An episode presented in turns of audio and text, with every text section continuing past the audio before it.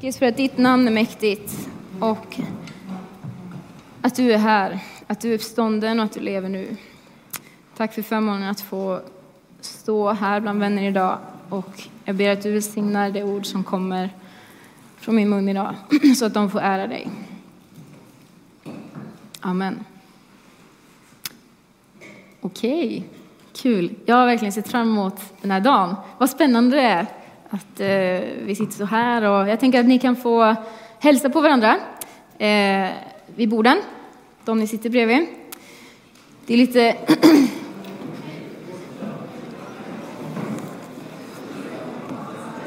Det kan ju vara lite extra intimt sådär att sitta och titta på varandra och ja, det är lika bra vi bryter isen.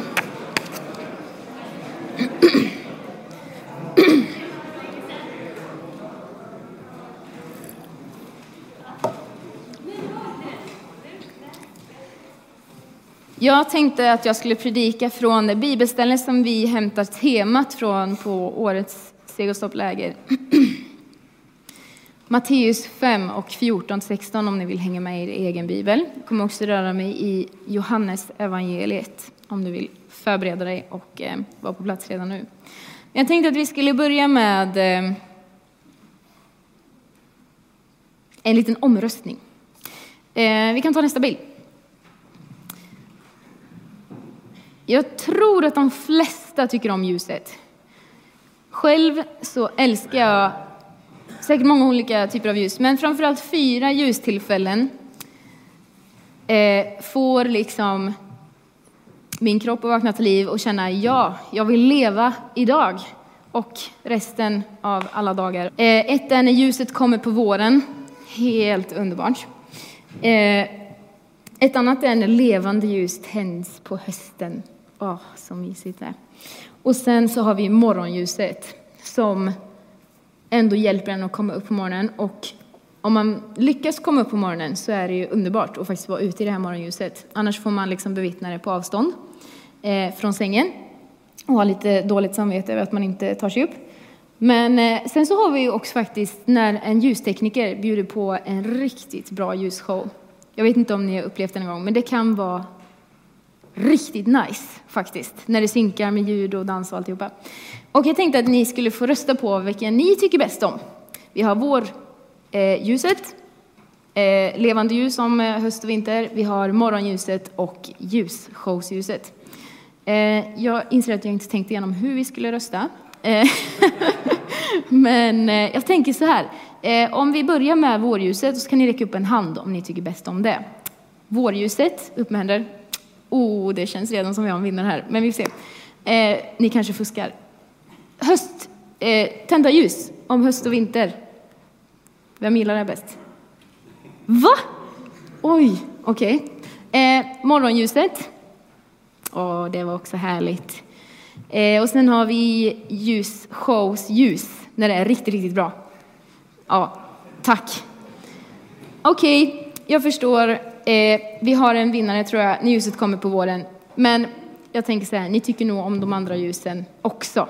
Bara att ni inte tycker om dem riktigt lika mycket. Bra, eh, jag tänkte berätta lite om eh, bakgrunden till bibeltexten som jag kommer predika ur idag. Och eh, vi befinner oss i Israel under Jesu tid. Han undervisar för sina lärjungar. Han har precis hållit ett av de mest kända talen eller predikningarna som finns, eh, bergspredikan. Det är en predikan full av tröst, eh, full av kontraster, men också full av utmaningar. Och så går han upp på ett berg och de han har med sig är sina närmsta lärjungar. Ett gäng Mellanöstern snubbar som har blivit av med jobbet för att de har valt att följa Jesus. Ehm, där har vi liksom en bakgrund. Och vi läser ur Matteus 5 och 14 till 16. Jesus säger så här. Ni är det ljus som lyser upp världen. En stad uppe på ett berg kan inte gömmas. När man tänder en lampa ställer man inte ett sädesmått över den en lampa ställer man i ett lampställ så att den lyser för alla i huset. På samma sätt ska ert ljus lysa för människorna så att de ser allt gott ni gör och hyllar er fader i himlen. Ni är världens ljus, säger han till ett dussin Mellanöstern män som har förlorat jobbet. Eh, jag hade nog tänkt så här, va? Ta det en gång till. Jag, världens ljus. Tar du inte i lite grann? Eh, och också kanske lite så här, pressen som landar på hjärtat. Jag kan inte bära det där. Liksom. Jag vet många som inte vågar vara ledare, men att vara världens ljus. Oj, oj, oj. Eh, det kan kännas lite betungande. Och hur ska man kunna leva upp till det här?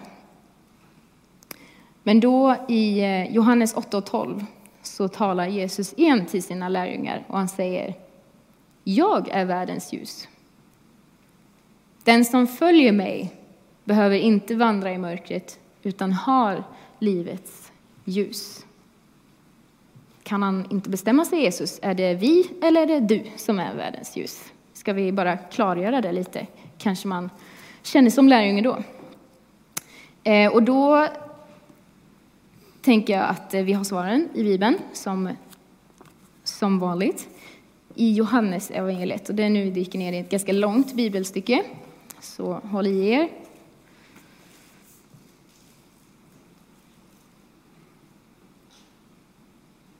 I början fanns Ordet. Ordet fanns hos Gud och Ordet var Gud. Han fanns hos Gud i början. Genom honom blev allting till, och utan honom blev ingenting till av det som finns till. I honom fanns livet, och livet var människornas ljus. Ljuset lyser i mörkret, och mörkret har inte övervunnit det. Det kom en man, sänd av Gud, som hette Johannes för att vittna om ljuset så att alla skulle kunna komma till tro genom honom. Själv var han inte ljuset. Han var bara den som skulle vittna om ljuset. Det sanna ljuset, han som är hela mänsklighetens ljus, skulle nu komma in i världen. Han var i världen och genom honom hade världen blivit till, men världen kände inte igen honom. Han kom till det som var hans eget och hans egna tog inte emot honom. Men åt alla som tog emot honom gav han rätten att bli Guds barn åt alla som tror på hans namn och som inte är födda av blod eller köttets vilja eller någon mans vilja, utan av Gud. Och ordet blev människa och levde bland oss. Vi såg hans härlighet, den härlighet som, var den enda sonen har, som den enda sonen har fått av sin fader. Han var full av nåd och sanning. Johannes vittnar om honom och ropar det var om honom jag sa, han som kommer efter mig är före mig, för han finns till för mig. Av hans fullhet har vi alla fått ta emot nåd och åter nåd. Ingen har någonsin sett Gud, men hans enda son som själv är Gud är vid Faderns sida. Han har gjort honom känd. Med andra ord, Jesus är världens ljus. Och Johannes, mannen som kom, kom för att vittna om det sanna ljuset. Jag vet inte om ni fortfarande känner att eh, vi kanske inte har fått svar på frågan riktigt vem som är ljus egentligen, Jesus eller oss, för han har ju ändå sagt att vi är det. Men i Fesierbrevet 5 och 8 så kan vi se att det står så här. Förut levde ni ju i mörker, men nu har ni i Herren blivit ljus. Lev då som de som tillhör ljuset. Det verkar som att det ena behöver inte utesluta det andra. För den som lever i Herren, den lever i ljuset och den är också ljuset. Man skulle kunna jämföra lite med månen. Månen, är själv, liksom månen själv har inget eget ljus. Men när solen lyser på månen så reflekterar den ljus och vi uppfattar ofta månen som ljus. Vi ser månsken när det egentligen är kanske solsken genom månen. Men det blir krångligt att säga det hela tiden, att eh, ni är Jesus ljus genom dig. Du är Jesus ljus genom dig. Eh, Och då säger Jesus, ni är världens ljus, för ni bär på mitt ljus, ni speglar mitt ljus. Förut levde ni ju i mörker. Vissa känner igen sig i det här mycket, att man lever i ett mörker, har levt i ett mörker kanske. Och vissa känner inte alls igen sig. Eh, kanske inte alls håller med om att, om att det finns mörker. Så, men jag tänkte vi skulle ändå fundera lite på tillsammans, vad, vad är mörker och vad, vad är ljus? Mörker är, om jag har förstått det rätt, egentligen ingenting i sig självt. Utan mörker är frånvaro av ljus. Så mörker har ingen kraft egentligen, eh, utan det är bara en frånvaro av någonting som inte existerar just där.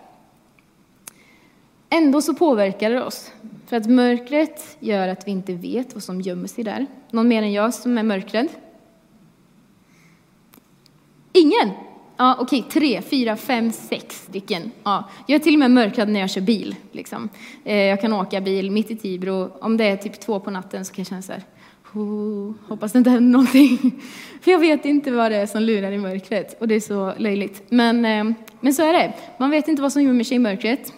Eh, skuggan där skulle kunna vara en lönnmördare eller så är det ett träd. Jag vet inte. Bäst att inte ta någon risk eh, lönnmördare. Jättekul. I, eh, ja. Så, I mörkret är det svårt att urskilja sanning. Man vet inte riktigt vad som är sant. Eh, och jag tror att det också är rent bildligt så att när vi är i mörkret så är det svårt att urskilja vad som är sanning och vad som inte är det. Ehm, delvis om, om mig själv, om Gud och om andra och om omständigheter. Ehm, I mörkret trivs det som, som räds ljuset, det som räds att bli avslöjat. Och där får det liksom växa och det kan, vara, det kan verka sant, det kan kännas rimligt. Ehm, det kan kännas rimligt att det är en lönnmördare utanför dörren i lilla Hörnebo eller Tibro. Ehm, fast det kanske egentligen inte är det. Ehm, men för att det är mörkt så kan jag inte riktigt avgöra. Och så kan det vara när vi känner att det är mörkt rent andligt och eh, känslomässigt också.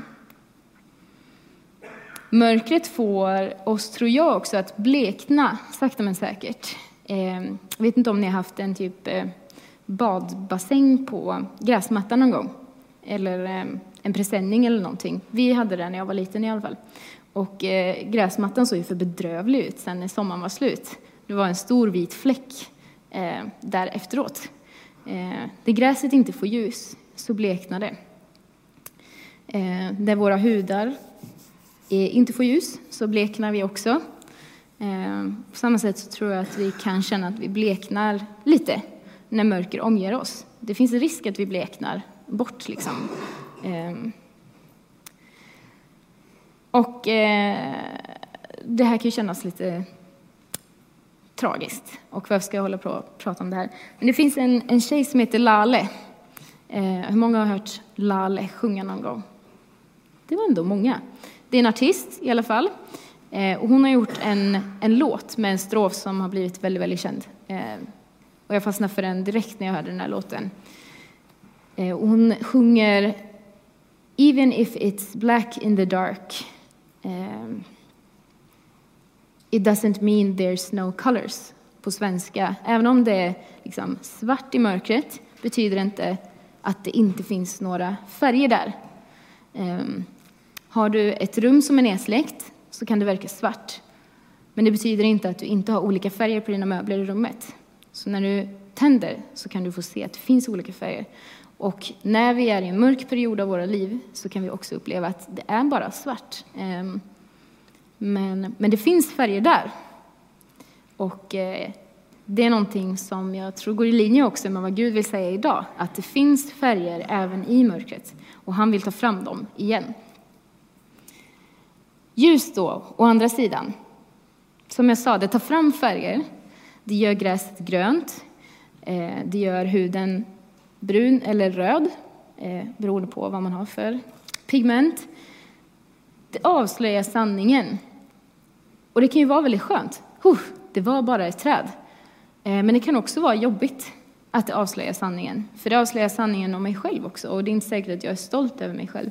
Vi är våra egna största kritiker många gånger. Ehm, så därför kan det vara jobbigt att vara i ljus.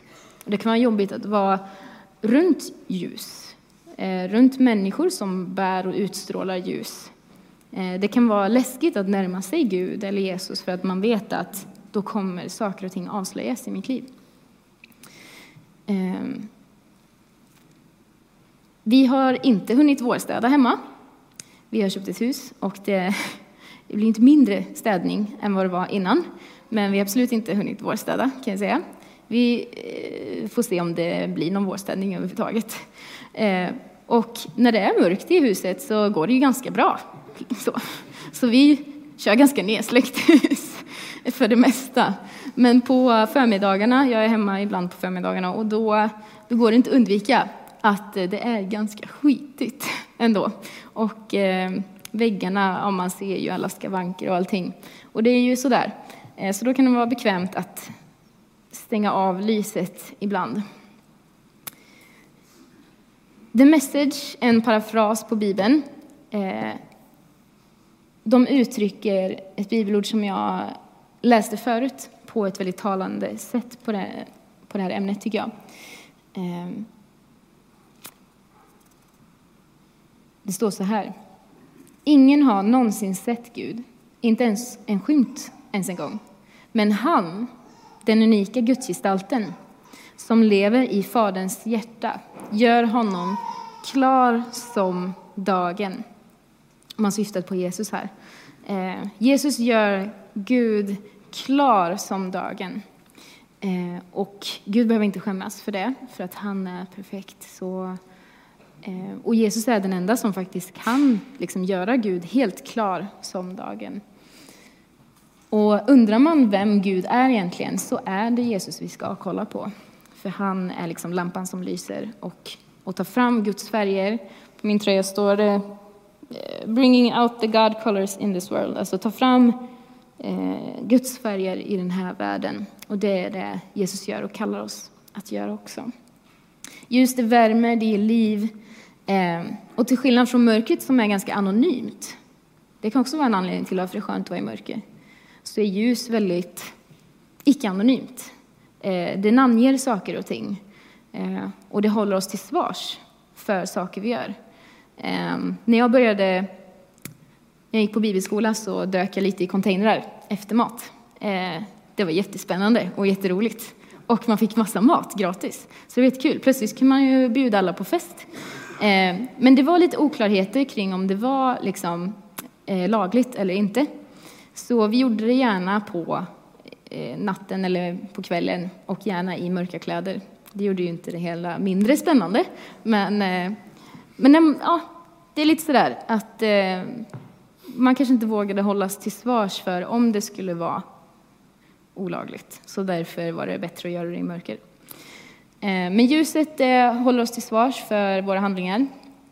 Eh, men det övervinner också mörkret. Ljuset är det som finns. Ljuset är det som existerar och har makt och kraft att skingra mörker.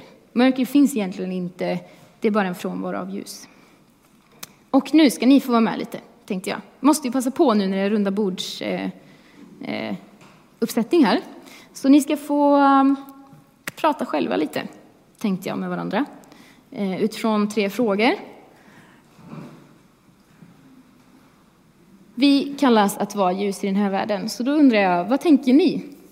Hur kan du vara ljusbärare i den här världen? Hur ser det ut? Hur funkar det? Jesus säger att vi är det. Det är vår, liksom, den som följer honom. Det är, vår, det är en del av vår identitet att vi är ljusbärare. Men hur tar det sig uttryck? Eh, hur kan du vara en ljusbärare i den här världen?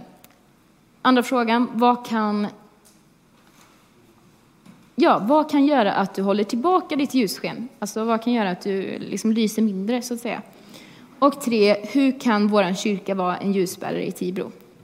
Eh, ni får fem minuter att samtala. Eh, hade ni bra samtal?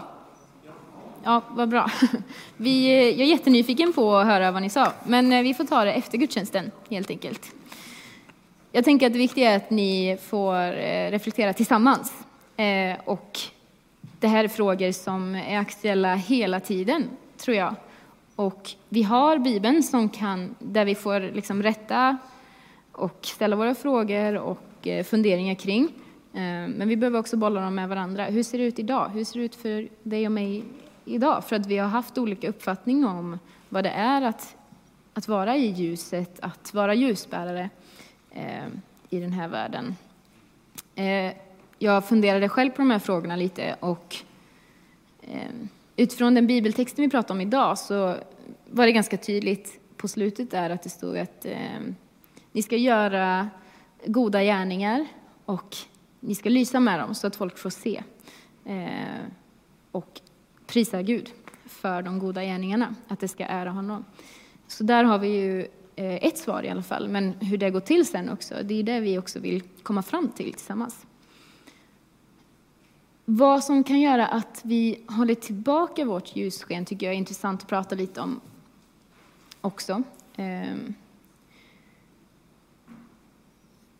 Nu börjar vi prata om ögonen på mig liksom, igen.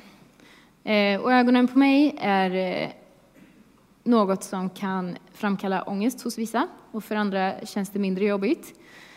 Men är man van vid mörkret, eh, då kan det som sagt vara jobbigt med ljuset. Och det kan också kännas som att det bländar en lite. Ljuset kan kännas som att det gör ont i början.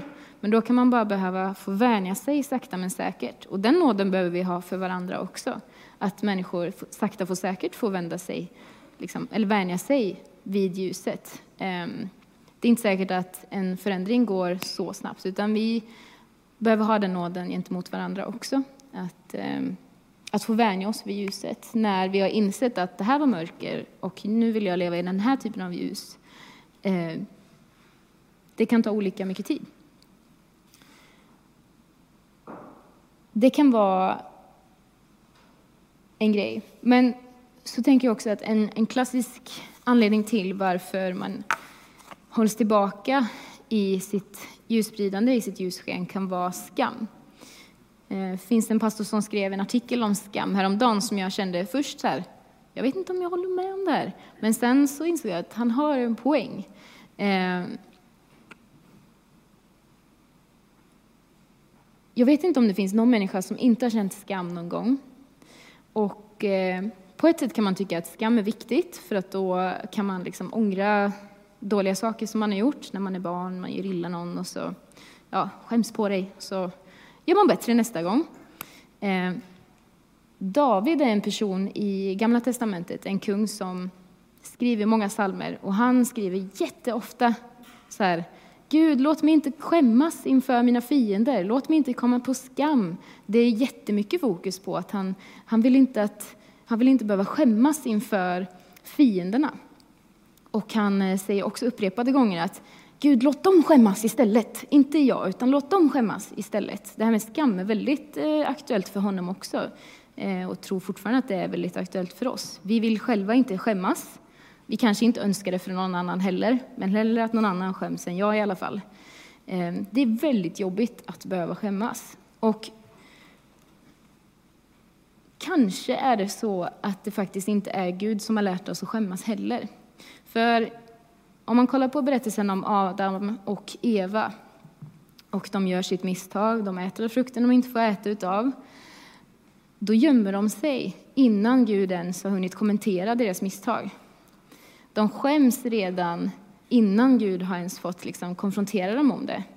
Eh, så det verkar som att skam är någonting som Gud i alla fall inte har lärt oss. Och jag undrar om det är någonting som han tycker är bra att vi bär på.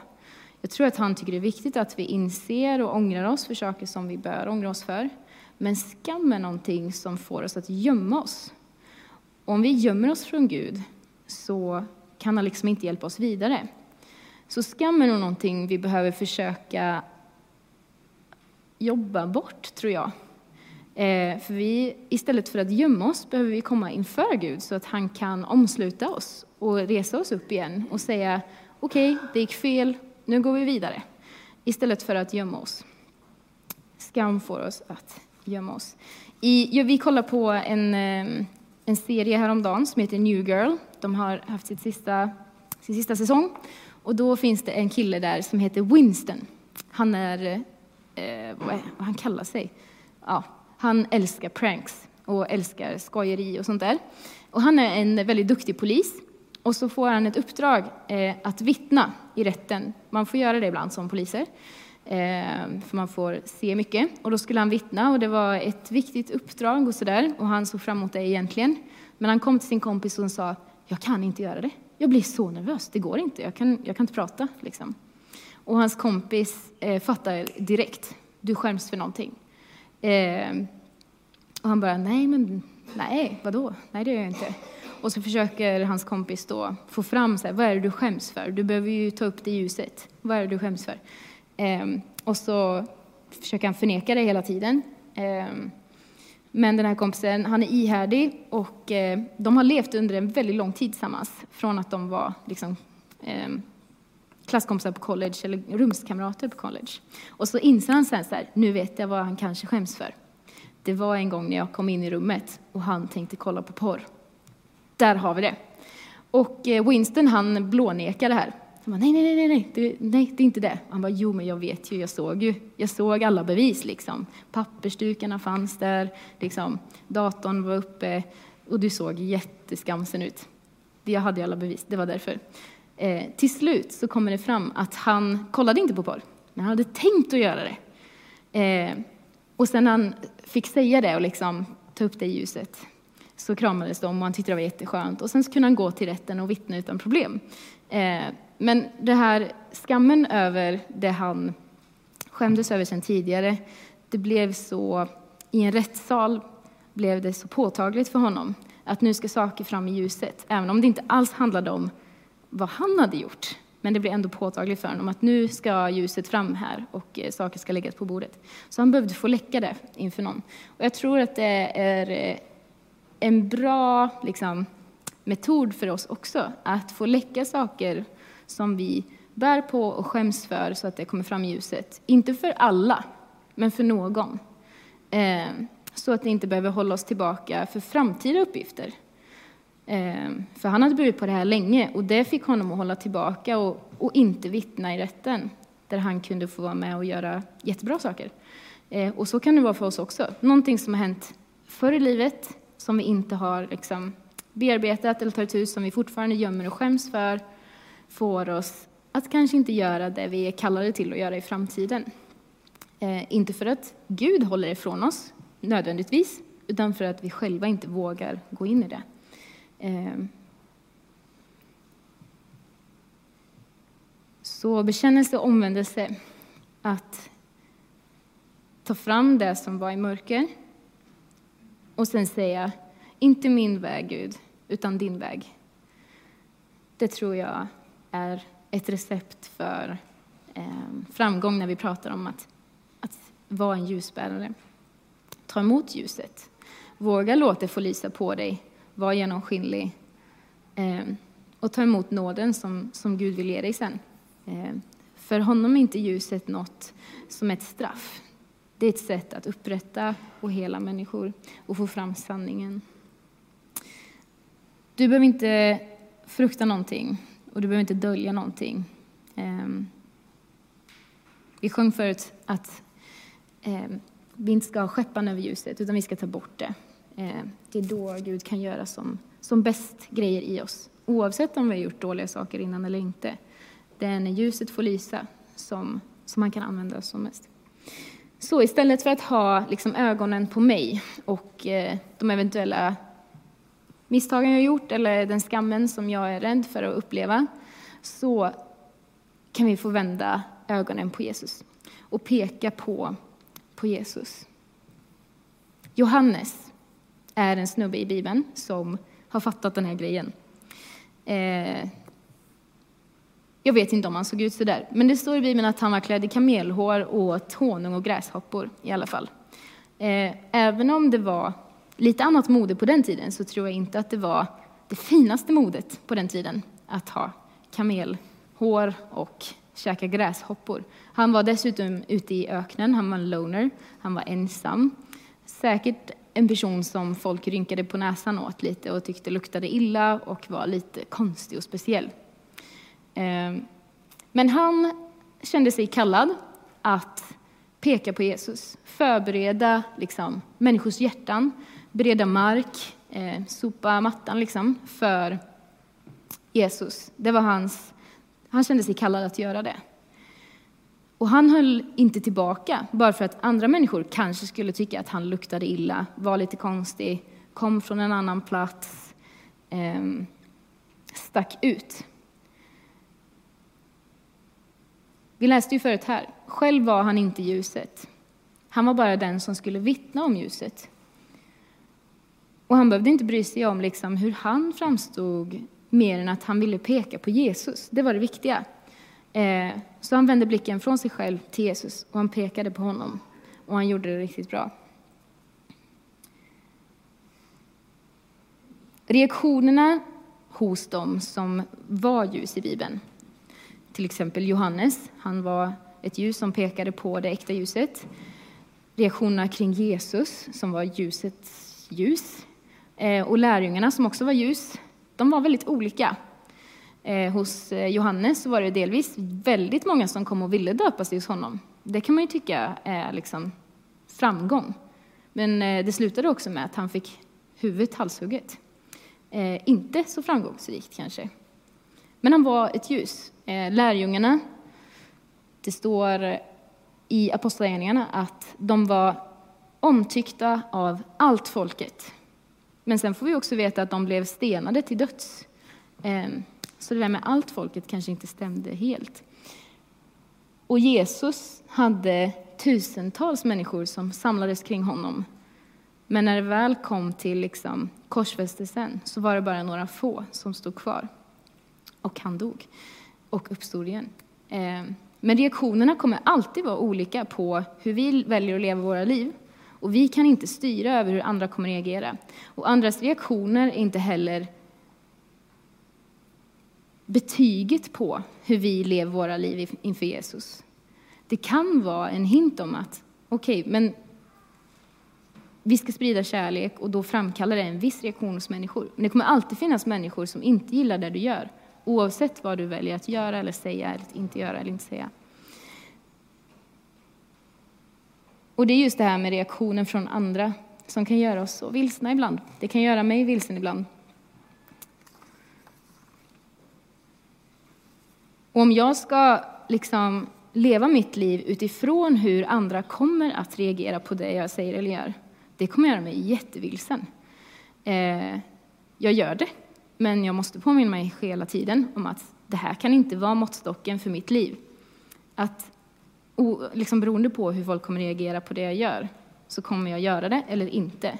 Jag måste kunna göra saker av en annan anledning. Och där får Jesus och hans ljus och hans uppmaning vara mitt rättesnöre.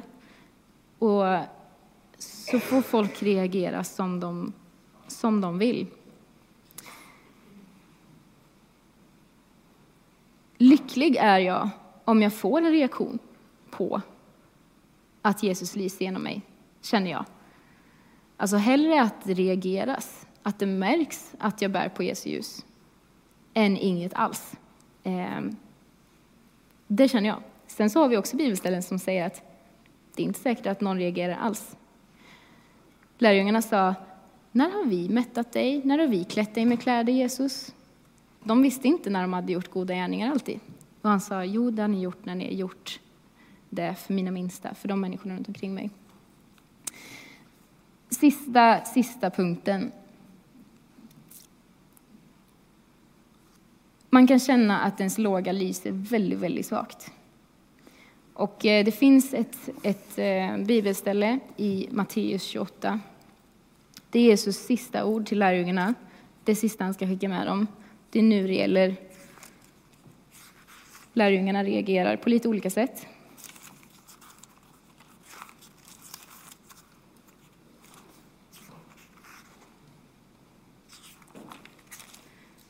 När de såg honom föll de ner inför honom, men några tvivlade.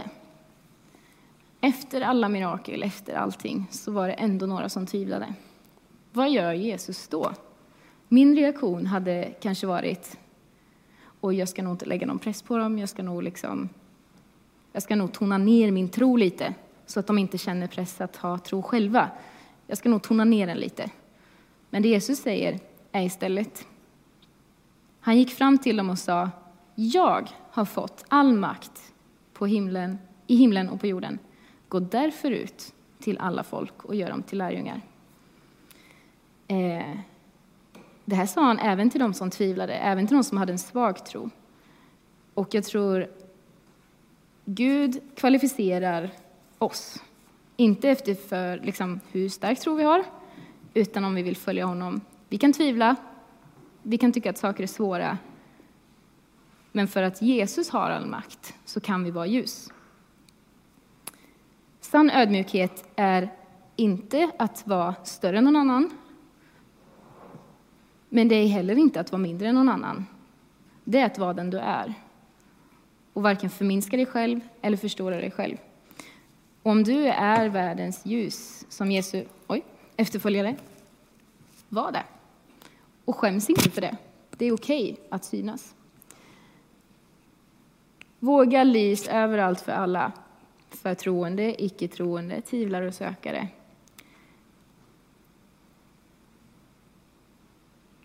I The Message översättning av texten jag läste i början så står det så här. Jag ska berätta för er varför ni är här. Ser det så här, ni ska vara ljuset som gör alla färger, alla Guds färger synliga. Gud är inte en hemlighet som inte får avslöjas. Vi ska synas, synas som en stad på toppen av en höjd. Om jag gör er till ljusbärare tänker jag väl inte gömma er under en bunke heller. Nej, jag hänger upp er på lampkroken, nu när ni är där uppe på höjden, nu när ni hänger där på lampkroken, så lys. Stäng inga dörrar, bjud på era liv. Om ni öppnar upp för folk kommer folk att öppna upp sig för Gud, Fadern som bjuder på sig själv i himlen.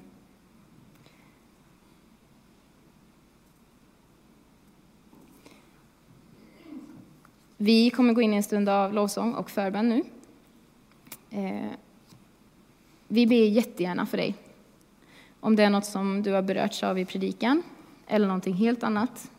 Om du bara behöver en välsignelsebön eller hjälp med någonting väldigt specifikt. Kanske känner du att du vill bli en Jesu efterföljare idag. Att eh, du känner att jag börjar tro och jag vill ta ett steg i frälsning. Så ber vi jättegärna för dig också. Eh, tack för att ni har lyssnat. Vi ber tillsammans. Tack, Herre, för att du är världens ljus. Att du är vårt ljus som lyser starkare än någonting annat mörker. Tack för att vi får komma tillbaka till dig om och om igen. Att vi inte behöver skämmas för vilka vi är, utan att du vill att vi ska lysa och lysa starkt för den här världen. Hjälp oss att bli mer och mer lika dig så att vi kan lysa med ditt ljus. Tack för att det alltid finns en källa att hämta ljus ifrån.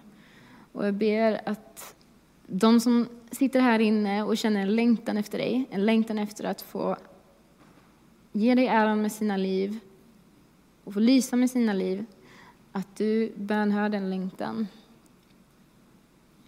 Tack för den som sitter här som inte tycker att det är så självklart.